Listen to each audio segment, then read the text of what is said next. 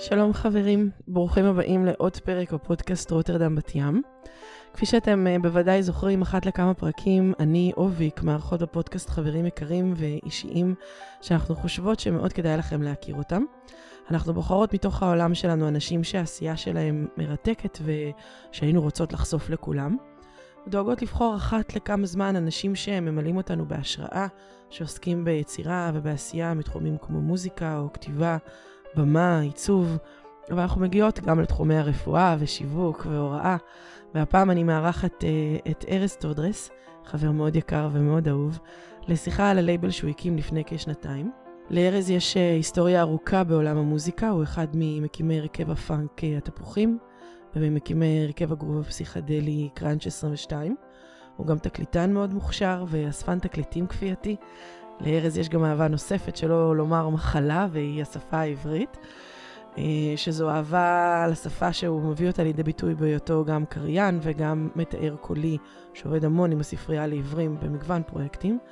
אבל אנחנו התכנסנו כאן היום כדי לדבר על לייבל התקליטים שלו, טודרס רקורדס. המוזיקה שאתם שומעים ברקע עכשיו היא ה-re-issue הראשון שיצא בטודרס רקורדס. אנחנו שומעים עכשיו את צד א' בתקליטון שלו, שבו שלמה גרוניך מנגן את uh, אל נא תלך, רצועה שעוברת פה עיבוד מעט שונה, uh, ללא מילים, ולדעתי זה שובר את הלב כמה שזה יפה. ארז ואני מכירים מימינו העליזים במוזיאון בית ביאליק, שזה מוזיאון, מוזיאון, ארכיון ובית לשירה עברית, השוכן בביתו של המשורר הלאומי בתל אביב. שנים של חברות עמוקה והיכרות זה עם עולמה של זו וזו עם עולמה של זה הבילו אותנו ביום בהיר אחד, בימי הסגר הקורונה הראשון, לזרוק לארז את הרעיון להתראיין לפודקאסט שלנו, והנה ימי הסגר השני העליזים הגיעו, והחלטנו להוציא לפועל את המחשבה. אז אה, אהלן ארז. אהלן רותי. מה העניינים? בסדר גמור, אה, כמעט סביר. כמעט סביר זה הרבה יותר ממה שהרבה אנשים יכולים להגיד. נכון. בתקופה הזו זה יפה. כן. איך עוברים להם ימי הסגר? אמ, אני משתדל אה, שיעברו אה, ממש טוב ורגוע, ומבלה הרבה מאוד זמן עם אה, הבן שלי. זה פלוס משמעותי זה, מאוד. זה פלוס עצום. וואו, איזה כיף. אמ, אז ספר לי, יקירי, אחרי שנים של עשייה בעולם המוזיקה, אתה פתאום, זאת אומרת, מהצד שבאמת מייצר את זה, ועם תפוחים, ועם קראנץ', וטס, ומקליט, פתאום להחליט לעבור לצד של לייבל. איך זה שאדם קם בבוקר ועושה כזה מהלך? עבורי המהלך הזה הרגיש מאוד טבעי, בגלל שיש לי אהבה עמוקה לעולם התקליטים, רוב חיי הבוגרים, הן ברמה הביצועית והן ברמה האספנית והן כאמצעי האזנה. ולמעשה, אחרי שהתפוחים וקראנץ' כבר היו לקראת סוף דרכן, חיפשתי מה, ב, מה הדבר הבא שאני אוכל לעסוק בו, שיעניין אותי בתחום הזה, והבנתי שבתור די-ג'יי כל מיני קטעי מוזיקה ושירים מפה, מישראל, בעיקר דברים ישנים שאני הייתי רוצה לתקלט בתקליטים, עם שריטה עמוקה יותר לכיוון התקליטונים, אין, אין, אין אותם, והיה יכול להיות נחמד אם, אם היה אותם. אז, אז פשוט uh, התחלתי לכוון אל, אל העולם הזה. וזה עבר, בשלוש שנים האלה זה עבר איזושהי אבולוציה שהתחילה ב... Uh, קודם כל להפיץ רק מוזיקה דרך, uh, מוזיקה לא שלי, של חברים, אז רק להפיץ את המוזיקה שלהם דרך חברת הפצה שכבר הייתי מחובר אליהם חזק עם התפוחים ועם קראנץ' באנגליה, נקראת קודוס רקורד, ועד שזה התגלגל אל להוציא את האלבום האחרון של התפוחים בלייבל, ולהוציא את האלבום האחרון של קראנץ' בלייבל, ולהוציא תקליטונים, ולהתקדם עם, ה- עם העולם הזה. כל העניין הזה של המסגור של הלייבל, קראת לזה בוטיק. כן. מה הכוונה כשאתה אומר בוטיק? מה זה אומר? אני חושב שזה זה בסך הכל אומר שה... מסננת שלי לבחירת הקטעים היא עמוקה יותר. עמוקה יותר, שוב, לתפיסתי. כי בכל מקרה זה עניין של טעם. כן. וכשהטעם פוגש מגבלות תקציב, אז את פתאום אומרת, אוקיי, אני רוצה באמת מתוך שלוש אפשרויות, אה, מתוך שלוש פצצות, ללכת על האטום במה שאני מוציא. האם בפועל זה באמת מה שקורה, זה כבר עניין אחר שאפשר לדבר עליו אחר כך, אבל אה, לפחות באותו רגע שאני בוחר מה להוציא, עבורי זה עולם ומלואו של אה, מוזיקה וצבעים והתרגשות לקראת הריליס. וואו. זה, זה, זה, זה, פחות, מדהים. זה פחות יותר העניין של הבוטיק, אה, שלא כל דבר, זה לא שאני עכשיו כן. לייבל גדול שאני מוציא כל אומן שיבוא אליי או כאלה, לרוב אני בוחר את מה להוציא, לרוב הדברים שאני מוציא, האומנים האלה כבר מתים, אבל בסדר. אז קח אותי ב, ב, באמת בדבר הזה שאמרת, איך אתה בוחר מה להוציא? אמ, אני מחפש דברים שמעניינים אותי מבחינת שילוב של אה, אה, גרוב, אמ, כמובן אוריינטציה חזקה לפאנק, אמ, אבל זה לא כן. חייב להיות רק זה, זה יכול להיות גם אה, שיהיו בפנים אלמנטים של מוזיקה אפריקאית, שיהיו בפנים אלמנטים של פסיכדליה באשר היא, בין אם היא קשורה יותר לרוק, או בין אם היא קשורה יותר לאפרוביט,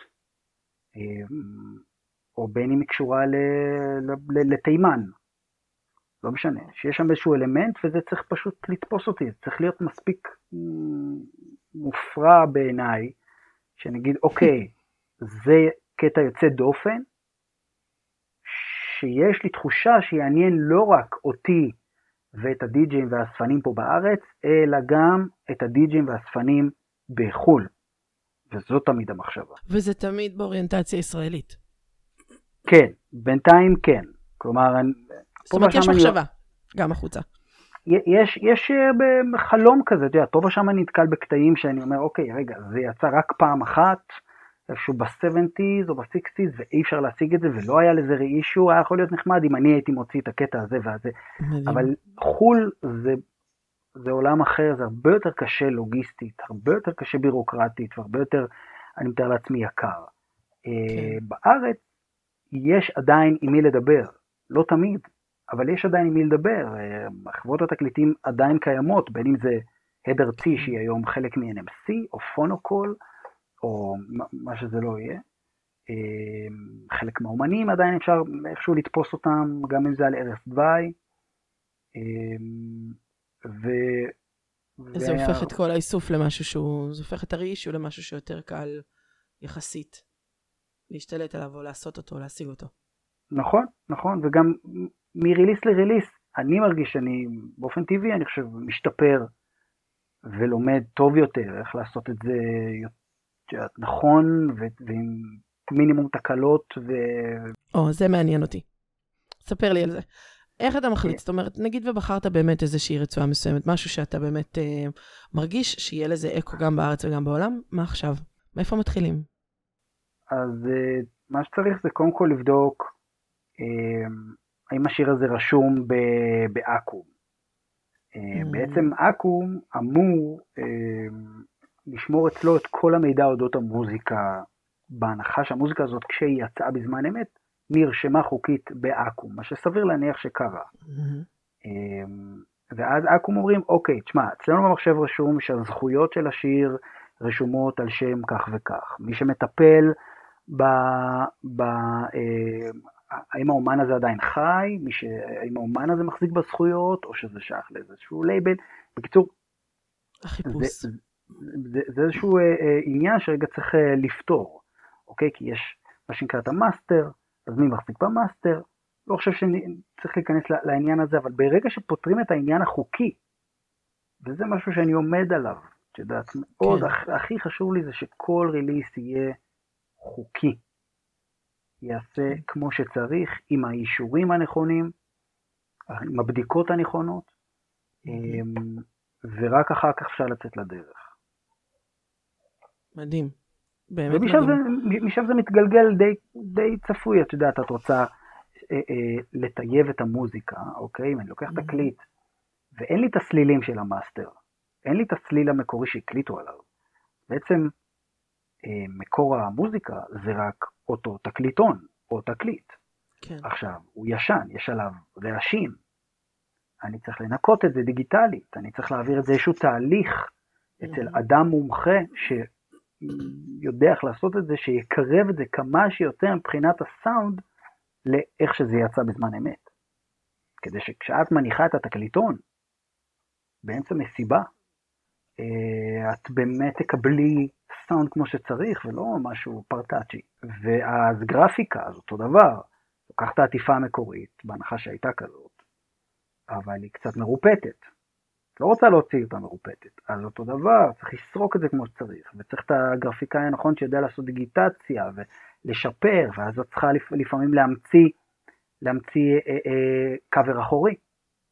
לא תמיד היה קאבר אחורי, ואז Mhm. קצת לאט לאט אתה, אתה מוצא את עצמך, אבל אני חושב שבסופו של דבר, אה, המוצר שאת מקבלת, או מה שאני מכוון אליו, הוא גם סוג של מזכרת, אוקיי? זאת אומרת, ש... בגלל זה אני תמיד אומר, זה לא חייב להיות רק די-ג'יי שיקנה את זה, או רק אספן. אם מישהו אוהב את הפורמט, והוא הוא רוצה שיהיה לו את זה כמזכרת מהאומן, כי הוא יודע שזה משהו שמזכיר לו את הילדות, או הוא שמע ברדיו, או הוא יודע שהמקורי עולה אלפי שקלים ואין לו, אז הנה אני בא ואני משקיע את הכסף שלי כדי שהוא יוכל לבוא ולקנות את זה אחר כך בעשרות שקלים ב- בלבד, כן. דברים של מאות או אלפי שקלים. בפנים אני דואג שיהיה אינסרט Mhm. עם מידע על האומן, וצד שני איזושהי תמונת מזכרת. כל מיני אלמנטים כאלה ש... ש... בסופו של דבר התוצאה, זה גם הכרטיס ביקור שלי למקצועיות של הדבר. בסופו של דבר יש לך איזושהי מתנה שהיא מקיפה והיא מלאה, ויש בה גם מידע על האומן וגם תמונות וגם את המוזיקה, וזה איזושהי מתנה, איזושהי קפסולת זמן מגניבה. נכון, וואו, נכון. זה ממש מדליק, זה ממש ממש מדליק. Yeah.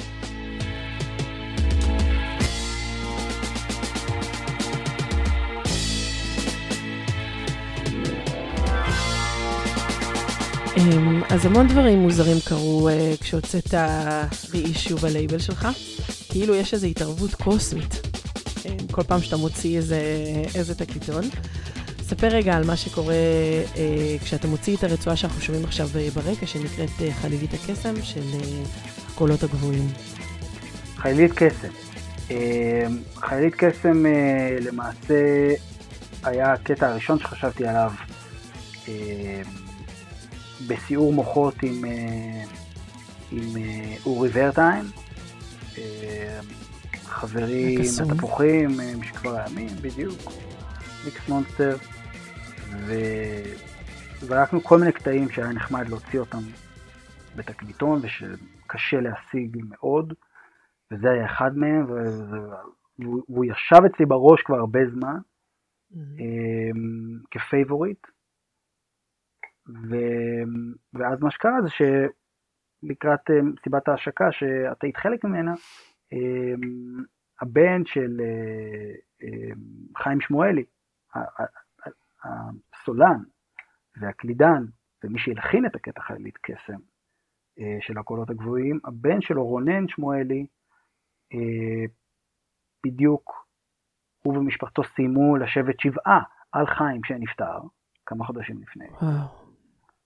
אה, כלומר, אני מתכוון, עד, עד המסיבה זה כבר היה כמה חודשים לפני, אבל כן. at the time כשהוא התחיל לראות, הוא- מה שהוא עשה אחרי השבעה, הוא מיד ניגש לבדוק, אוקיי, מה עם המוזיקה של אבא?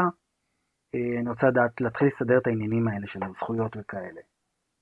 ואז הוא ראה באקו"ם שטודרס רקורדס אה, רשום, מוצ- מוציא עכשיו re-issue של זה. הוא נגנב, איזה.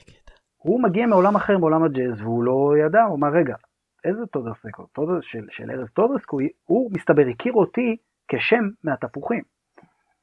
וואו. אמ, ו...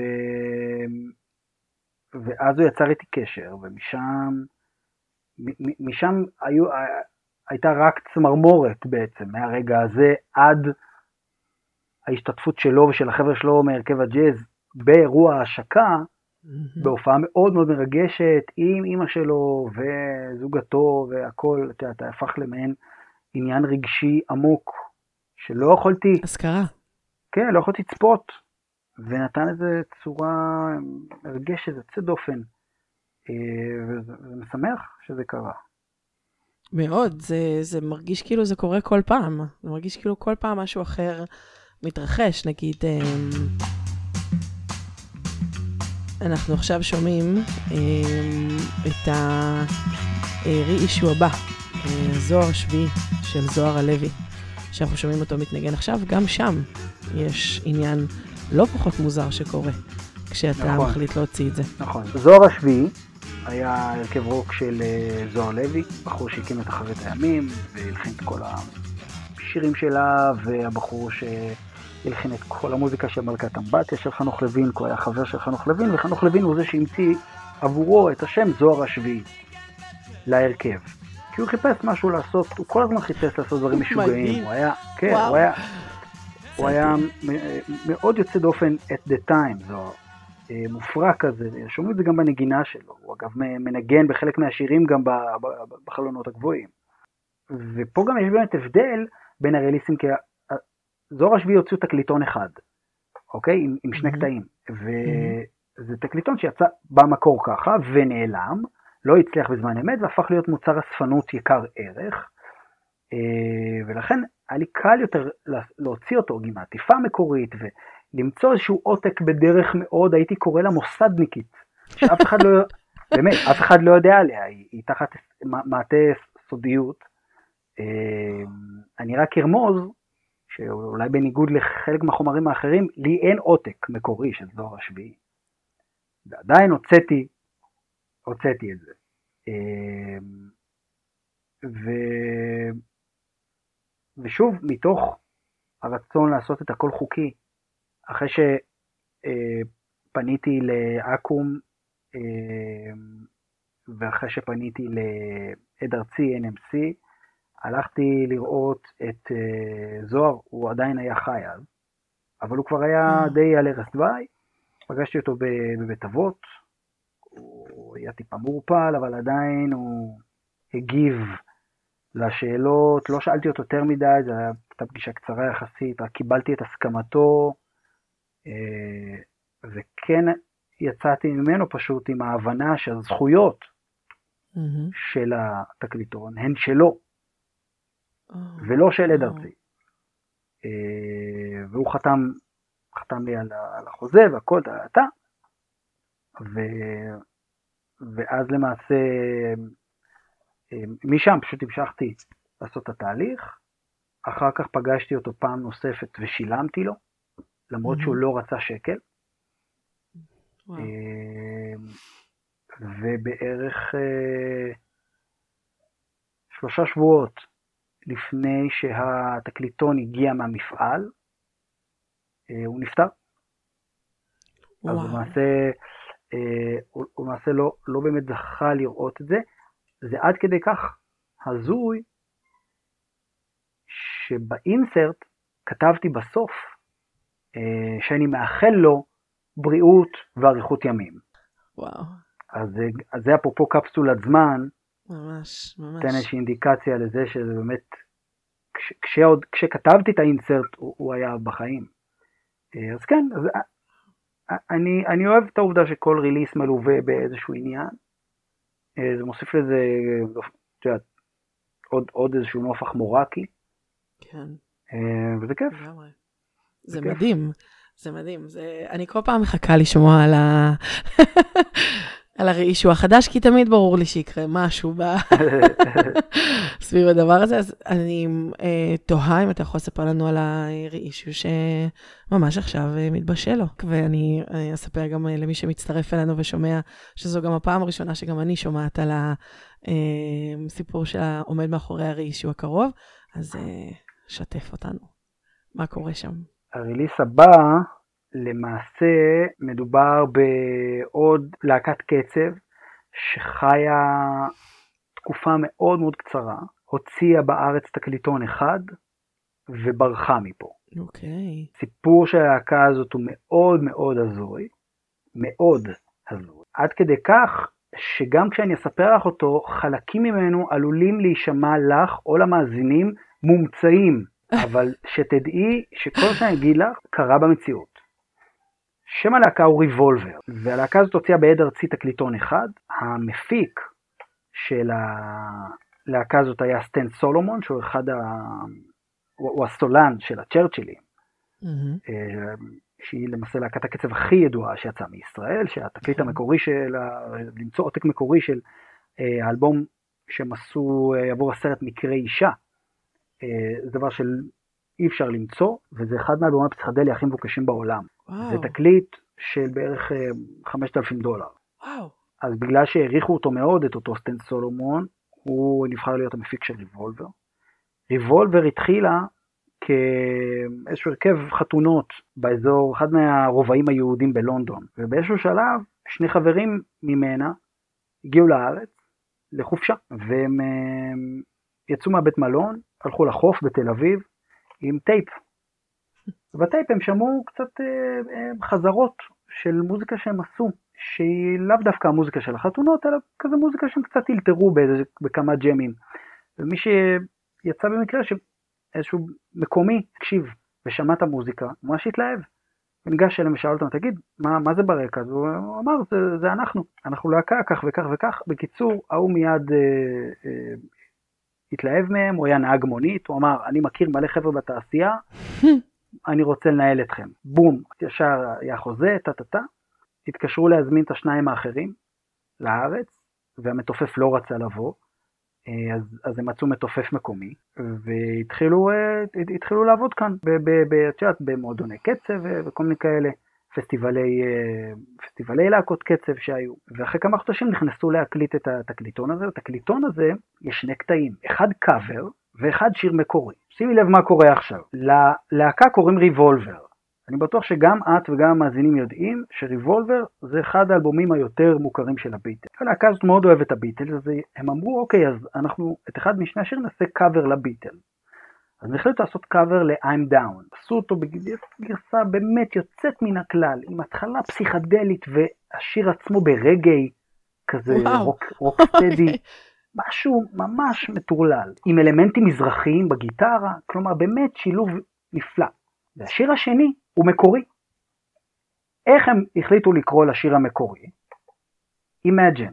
עכשיו, שימי לב, הם קוראים לזה Imagine ב-69. Oh my God. Imagine של לנון יוצא רק ב-71. עכשיו תגידי לי את, מה הסיכויים שהרכב, שגם ככה קורא לעצמו ריבולבר, וגם ככה עושה אחד מתוך שני השירים קאבר לביטלס, יקרא לשיר המקורי שלו בשם Imagine. אז זה, זה עניין מופרך אחד. fuck mind, לא יאומן. בדיוק, כן, כן, זה לא יאומן, אי אפשר, אי אפשר להבין את זה. בכלל. עכשיו ה-Imagine הזה, זה שיר מדהים, זה שיר רוק פסיכדלי מדהים. זה, כמו שכתבתי ב insert, זה נשמע כאילו outtake, כאילו שיר שלא נכנס לאלבום הראשון של פינק פלויד, עם סיד בארט, האלבום. המיתולוגי, כאילו כזה. עכשיו זה העניין המוזיקלי. העניין האחר הוא שהחבר'ה האלה שכרו ביחד ד- דירה, בית ממש נחמד, על ה... אה, בבת ים, אה, ליד? אה, ליד אה, מלון אה, אמבסדור שפעם היה בעיר. וילה כזאת, וילת קרקע קרובה לים, טה-טה-טה טה-טה. אחד הלילות נכנסים שודדים למלון אמבסדור, ושודדים את הבחורה בקבלה. הם גונבים לה את התיק ובורחים החוצה, כי היא מתחילה לצרוח. הם בורחים החוצה כן. והם בהיסטריה, הם לא יודעים מה לעשות. הם נכנסים ודופקים להם על הדלת של. החבר'ה, של הווילה. Oh my God. אלה פותחים את הדלת, הם נכנסים עם רובים שלופים, מאיימים עליהם, תביאו את הכסף. Oh my God.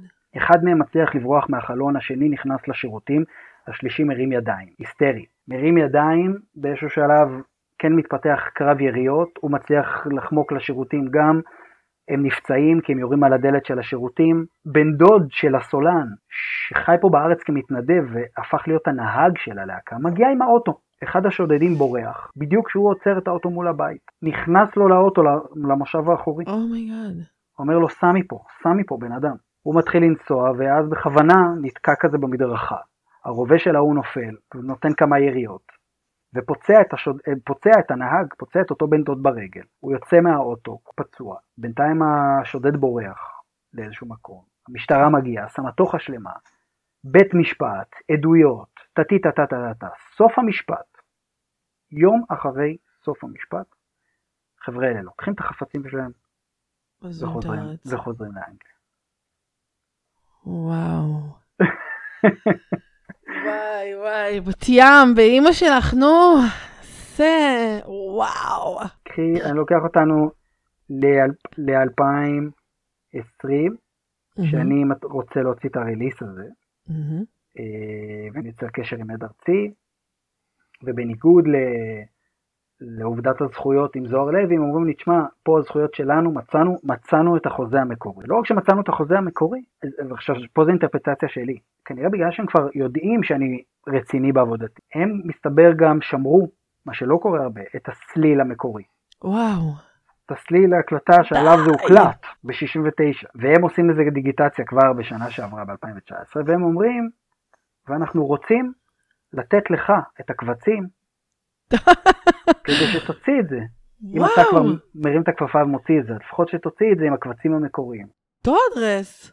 זה, זה עבור אה, אה, בעל לייבל, זה חלום. ממש. יודע, זה לא קורה, זה קורה באמת פעם, פעם בעשרה ריליסים. עזוב את זה שזה הבעת אמון מטורפת. כן, מטורפת. כן. זה כאילו, זה, מה זה, מישהו נתן לך, כאילו, זה לא יאומן. כן, זה לא אה, לא יאומן. זה פשוט לא יאומן. הלבל הזה יש לו כוח קוסמי לא, לא שפוי. ואז הם גם uh, היו חמודים, הם, הם צילמו לי את הסלילים, יפה כזה, את, את המכסה עם הסליל, שרואים את התאריך והכל, ואני הוספתי אינסרט לתקליטון, כלומר היו שני אינסרטים, אחד עם פירוט על הלהקה והסיפור בקצרה, ותמונה אדירה של הלהקה שנתן לי נועם רפופורט, שהוא היסטוריון מוזיקה, אולי מהחשובים שיש כאן בארץ, והוציא ספר על הרוק של להקות הקצב בשנות ה-70. הייתה לי תמונה אדירה של פוסטר של הלהקה עם אקדחים כזה בצדדים, משהו אדיר, אז זה בצד שני כמזכרת. האינסרט השני, צד אחד יש את המילים של השיר Imagine שלהם, כי פתאום אמרתי לעצמי, רגע, אין את המילים של השיר הזה באף מקום באינטרנט. אף מקום, זה שיר אדיר, טקסט שלו מגניב. ובצד שני, שמתי תמונה את התמונה של הסליל המקורי. זה עד כמה גם המזכרת ולתת הכבוד לאומן חשובים לי. ממש, וזה, יואו, תקשיב, זה... אז זאת אומרת שכשזה יצא, יש פה איזה סיכוי להתפוצצות אפילו יותר גדולה ממה שהייתה עם הרישו האחרון. תראי, זה בדיוק את נוגעת בנקודה. אין לדעת. אני לא יודע. אני ניגש לזה עם התלהבות של ילד, אני יכול... שומעים. אני יכול רק לקוות שעוד די-ג'אים ועוד אספנים יאהבו את זה אמ, וירכשו. אני וואו. תמיד מייצר 300 עותקים, 150 מגיעים מהמפעל ישר למפיץ באנגליה, שמפיץ עולמי, ו-150 מגיעים לארץ. הפעם, בגלל שזה כל כך מיוחד, גם מספרתי את התקליטונים, ותמיד למספר נותן עוד איזשהו, כן. בדיוק, אלמנט, אה, איזה מספר מתוך השלוש מאות קיבלת, כאלה. וואו. טוב, אוקיי, זה אחר פשוט מדהים.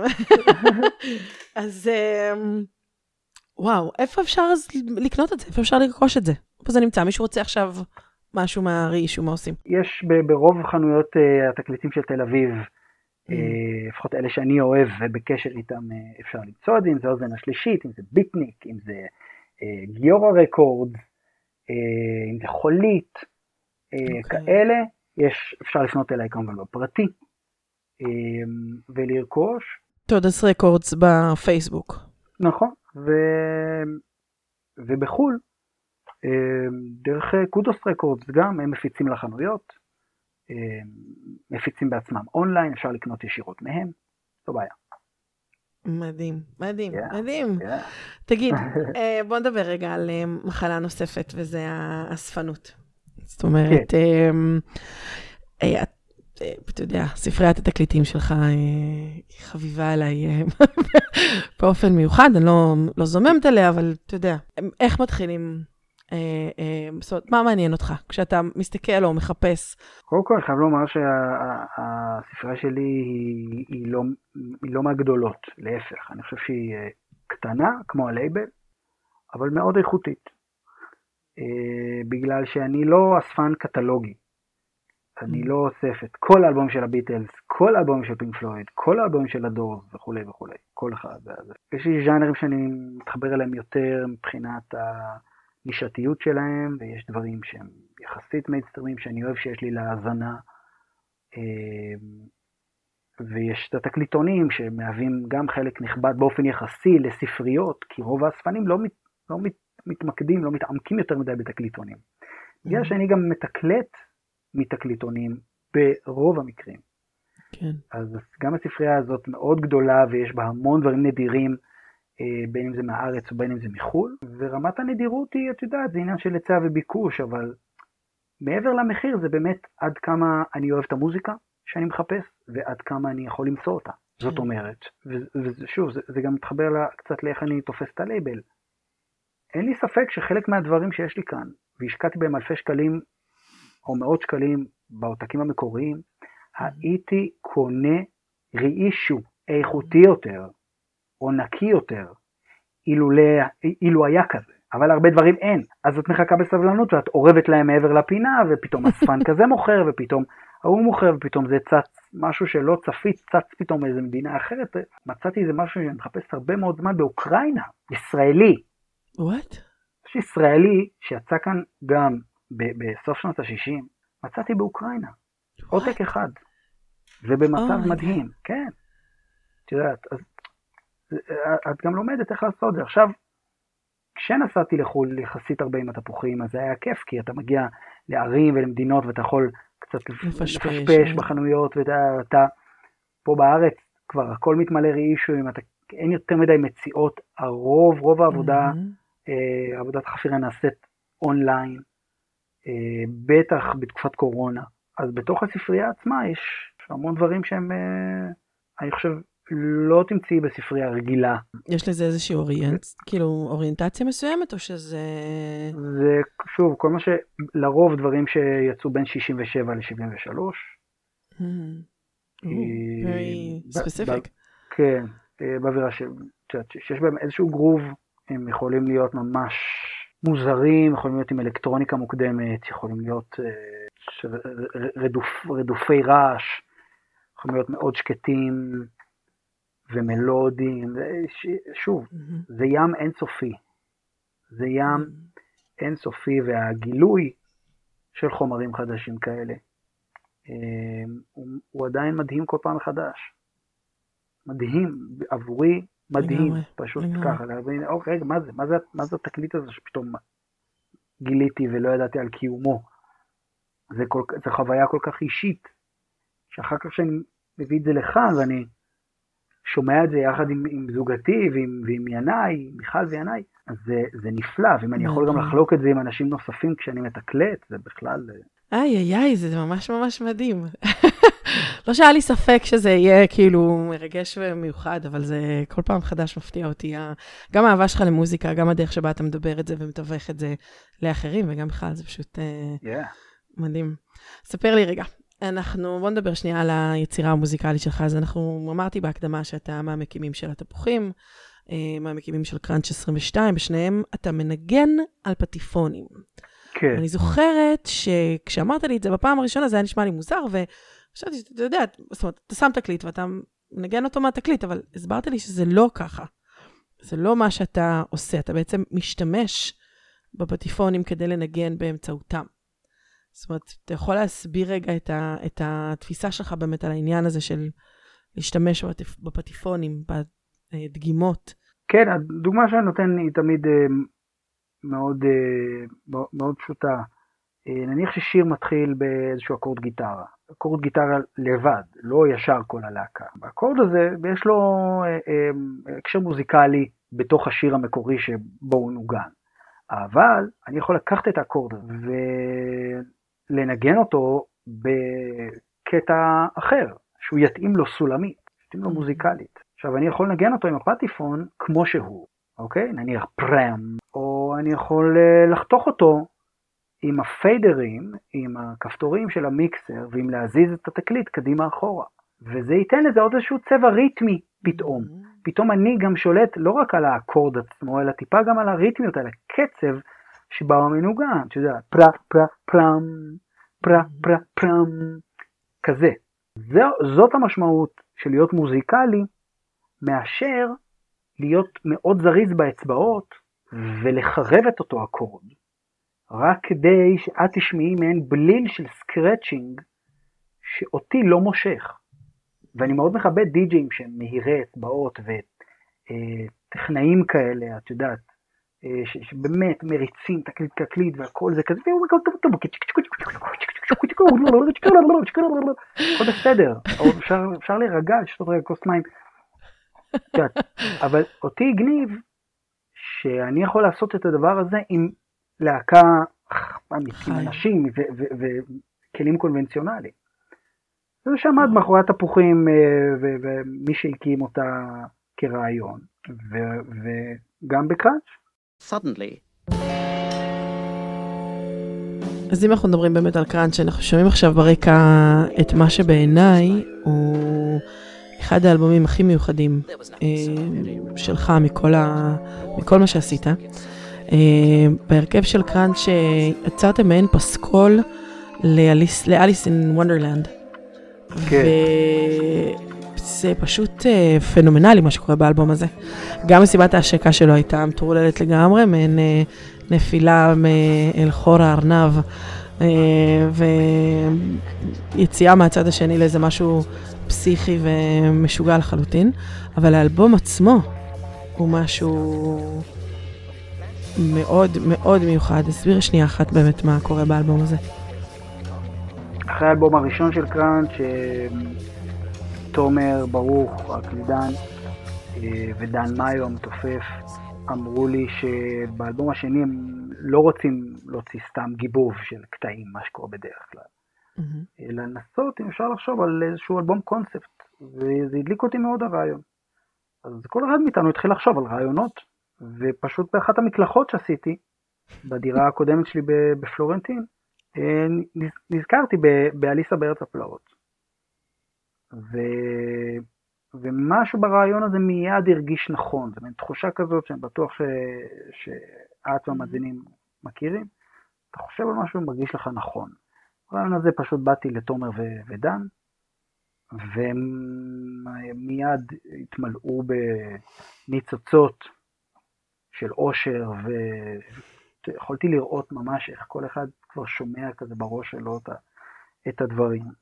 וזה מה שעשינו, בחרנו את הקטעים מאליס שאנחנו מתחברים אליהם באמת, כלומר בהתחלה היו יותר קטעים. מה זה את הקטעים מאליס? למה הכוונה? כלומר את הסצנות, אם זה, כן, אם זה הזחל, אם זה מסיבת התה, אם זה הנפילה באמת אה, של הארנב. ובמה השתמשתם אה, בשביל הפסקול? זאת אומרת, לא הסאונד, אלא המלל, הסיפור. המלל זה איזשהו, איזושהי גרסת סיפור בריטית. אה, כלומר, מישהו שפשוט מספר את זה, אבל, אבל יש לו קול מאוד מעניין. אה, בריטי נקי כזה, אבל הוא מוסיף לו הרבה מאוד אופי ושינויי אינטונציה. והוא עושה את כל הדמויות, מלבד, מלבד את אליס. רק לאליס הם הביאו קריינית. אז זה הפך את כל התקליט הזה למשהו ייחודי, וידעתי, כשמצאתי אותו, ידעתי שזה המפתח. אמ, אחר כך ניסינו לחפש את הלייבל הזה כדי לבקש רשות להשתמש, חשוב לומר את זה. פשוט הוא כבר לא היה קיים, זה היה לייבל שהיה קיים זמן קצר מאוד בארצות הברית, וההוצאה היא בריטית. לא מצאנו שום, שום דבר מי לפנות. אני לא ראיתי את התקליט הזה ever again למכירה. אה, וגם כשאני קניתי אותו היה רק עותק אחד. אז מהר חטפתי אותו, ואיתו, ובו השתמשנו. ובסופו של דבר יצא קולאז' שהוא גרוב פסיכדלי, פאנק, mm-hmm. פאנק פסיכדלי, טהור. כלומר, עד היום לא נעשה בארץ אה, אלבום קונספט שנשמע ככה, בכלל נעשו מעט מאוד יחסית אלבומי קונספט בארץ, אבל, אבל כשהוא יצא באופן אוטומטי ומהתגובות עליו, מיד קיבל איזשהו מקום ייחודי אצל המאזינים, וזה כיף. זה, כי זה באמת אה, יצירת מופת, יצירה מדהימה. שאפשר אגב אה, לשמוע אותה גם בסטרימינגים הרגילים, זאת אומרת, היא נמצאת באפל, היא נמצאת כן, בספוטיפיי, כן. זה לא רק נכון, אה, לגמרי. או זה. אה, תגיד לי, ידידי היקר, מבין כל הדברים שעשית בחייך, אה, מקראנץ' והתפוחים אה, ללייבל, מהעובדה שהקלטתם אלבום אה, בבית של פיטר גבריאל. אה, באולפנים. ה... באולפנים. שבמקרה שוכנים איפה? בעיירה הבריטית תושמע באף. אז מבין כל הדברים האלה, כל הבמות שהופעת עליהן, מה אתה הכי גאה? מה אתה הכי מאושר שקרה? אני, אני חושב ש, שבכל פרויקט יש, אה, לכל פרויקט הייתה דינמיקה שהיו בה רגעי עושר רבים ורגעי חרדה רבים ורגעי אה, עצב רבים ורגעי אה, עצבים רבים. ואתה רוצה בסופו של דבר, כשאתה מסתכל אחורה על דברים, לזכור בעיקר את הדברים הטובים. איך המוח בוחר מה לזכור שנים קדימה, זו שאלה מעניינת. אה, כי, כי זה כן ידוע שיש לו נטייה לזכור יותר טראומות מדברים טובים. לפיכך, אני יכול בשלף לומר לך, תשמעי, אחת ההופעות המשמעותיות עבורי הייתה של התפוחים בפסטיבל גלסטונברי. כן. את יודעת. כן. אה, כי עד היום שאני אומר את זה לעצמי, אני עדיין מקבל צמרמורת. עכשיו, יש אנשים שאולי זה לא יעניין להם, זה לא יעניין אותם בכלל. ויש אנשים שבטח אה, ישמעו ויגידו, רגע, מה זה בכלל? מה זה גלסטונבר? מה זה פסטיבל גלסטונבר? אה, אז הם יכולים לברר ולגלות נכון. לבד, בלי שאני אגיד אפילו כאן, בפודקאסט. ילכו לגוגל ויקראו בכלל מה זה פסטיבל גלסטונברי, מה המשמעות שלו, מה הגודל שלו, מה ההיסטוריה שלו, איזה אנשים ניגנו שם. מי האנשים שניגנו בפסטיבל גלסטונברי הראשון? אה, כמה אומנים ישראלים זכו להופיע בפסטיבל גלסטונברי, לאורך ever, את יודעת. ואז להבין מה, למה זה חשוב. אבל uh, אני גאה מאוד בריליסים של הלייבל, ואני גאה מאוד שזכיתי uh, כמה וכמה פעמים ב, ביצירה בעצם לעשות דברים חדשים שלא היו לפני זה. כן. ו- ואת הפריבילגיה הזאת, שוב, למדתי להעריך רק אחרי שהדברים נגמרו. לאחרונה זכיתי להופיע פסטיבל הג'אז בירושלים, mm-hmm. והופעתי עם פסנתרן ג'אז בן 25. אני בטח, עד, עד שהפודקאסט יצא, אני נושק, נושק ל-44. כן. אה, שמו תום אורן, הוא בחור מקסים, מקסים, מקסים, מקסים. אה, ופסנתרן ג'אז מכונן, באמת אחד הטובים בעולם כיום. ולמעשה מי שהגה את הרעיון לחבר אותנו לפסטיבל היה אבישי כהן החצוצרן, שהמנהל אומנותי גם של הפסטיבל, בעצם יצא שהיה על הבמה פסנתר כנף ושלושה פטיפונים, את יודעת, הבאתי שלושה פטיפונים, ו- וזה היה, זה היה חלומי. ושוב, ידעתי לזהות את התחושה הזאת של רגע, אני עושה כאן משהו שלא נעשה בעבר. זה סופר מעניין, כמחשבה. כמה אנשים זוכים לזה.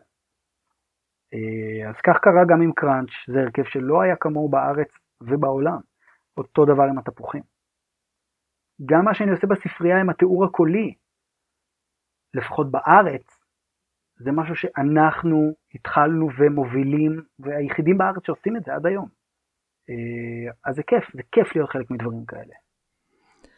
זה אדיר, אני חושבת שזה גם מכתיב, אה, זה מכתיב את הדרך שבה אתה מסתכל על החיים שלך.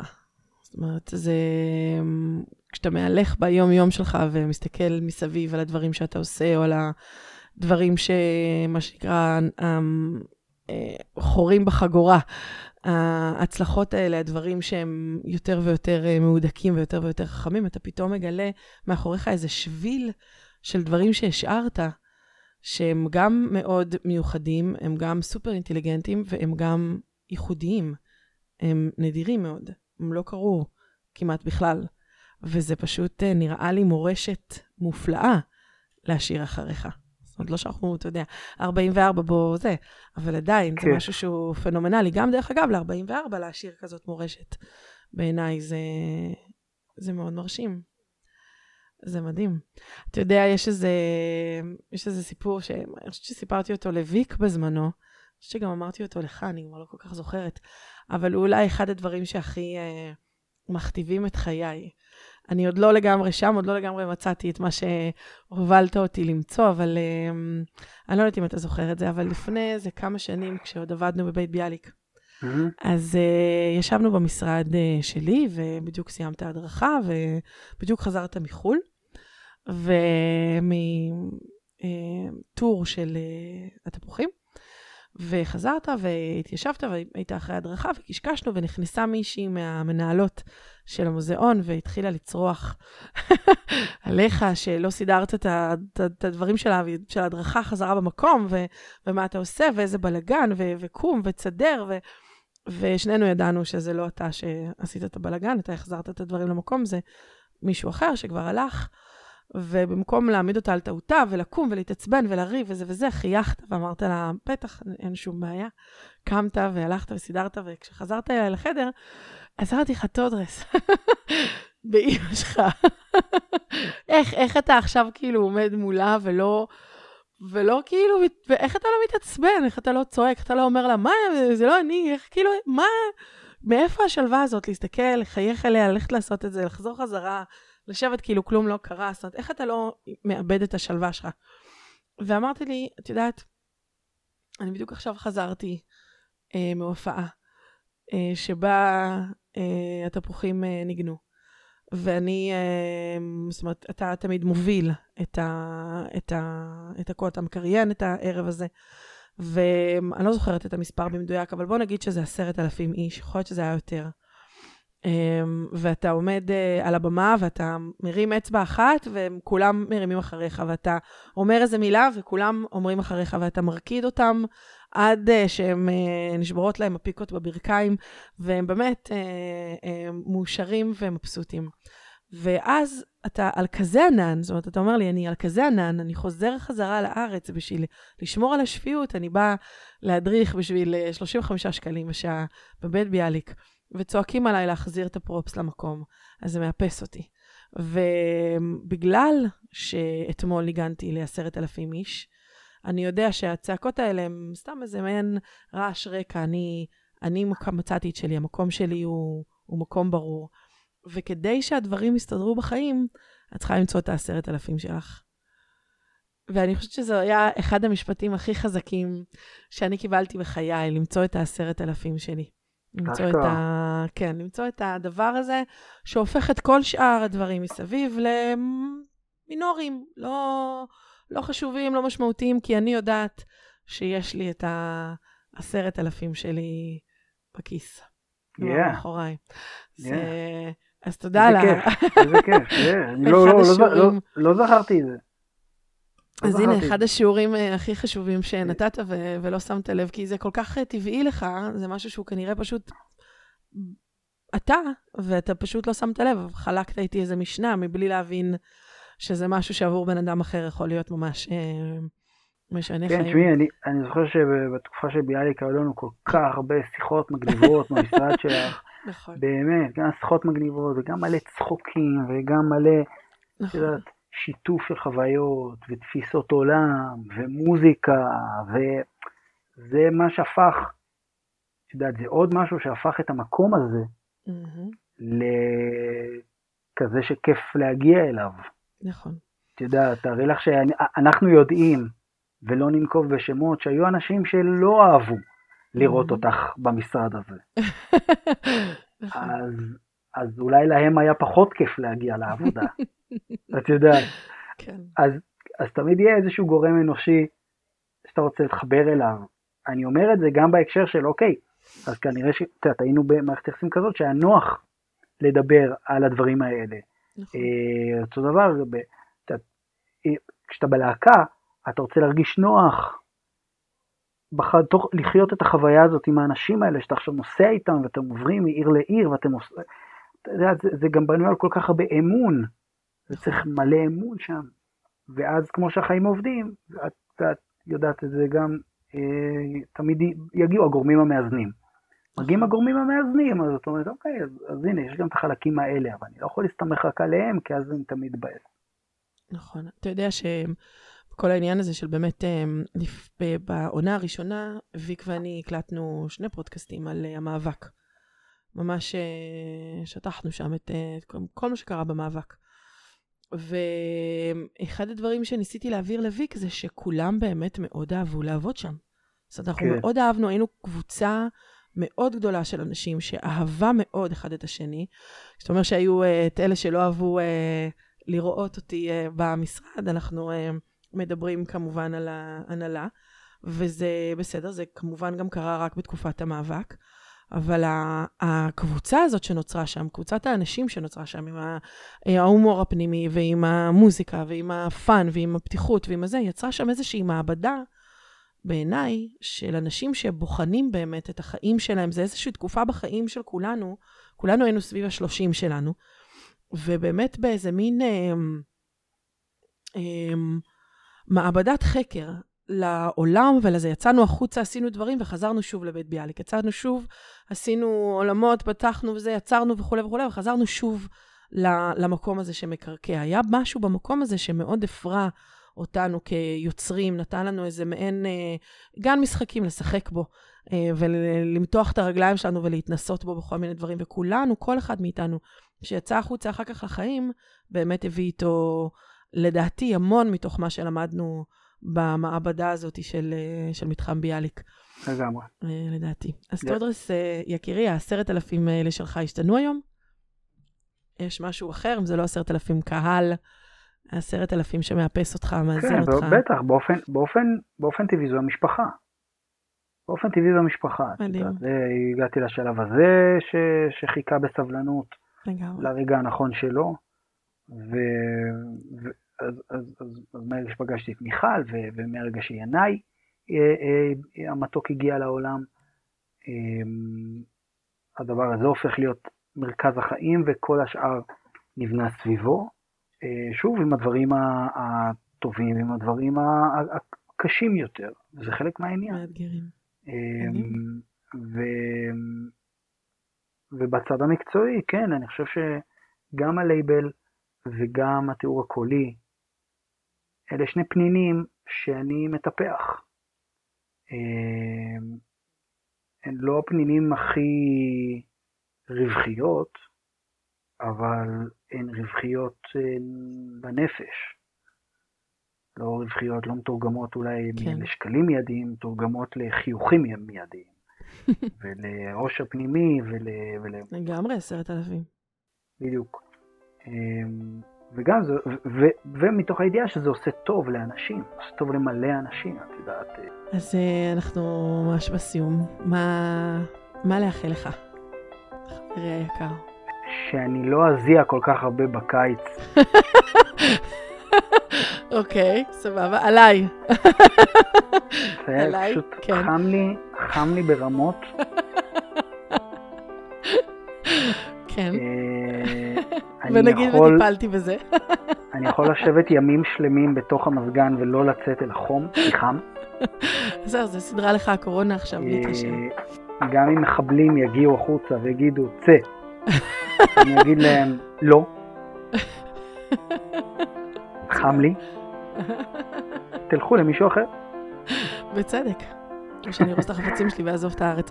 אה, אמ, נראה לי שרק אה, להמשיך ולהתפתח אה, גם כבן אדם וגם אומנותית, לכל כיוון שזה לא יהיה, ושהחיים עוד יצליחו להפתיע אותי במקומות שאני אגיע אליהם. אמן. אז אה, ממיצ'קה, תודה רבה רבה. זה היה מרתק, זה היה פשוט ממש ממש מעניין. תודה רבה רבה על כל המאחורי הקלעים. ואמן, אמן, אינשאללה, כל מה שביקשת לעצמך אין דנסם, אה, ואם אפשר שמישהו גם ידאג בעניין של הטמפרטורה, אז בכלל יעזור. תודה שבחרת אה, לדבר איתי בפודקאסט, זה היה ממש כיף. יאללה, ממיצ'קה, נשיקות ומיליון תודות. ביי ביי. ביי.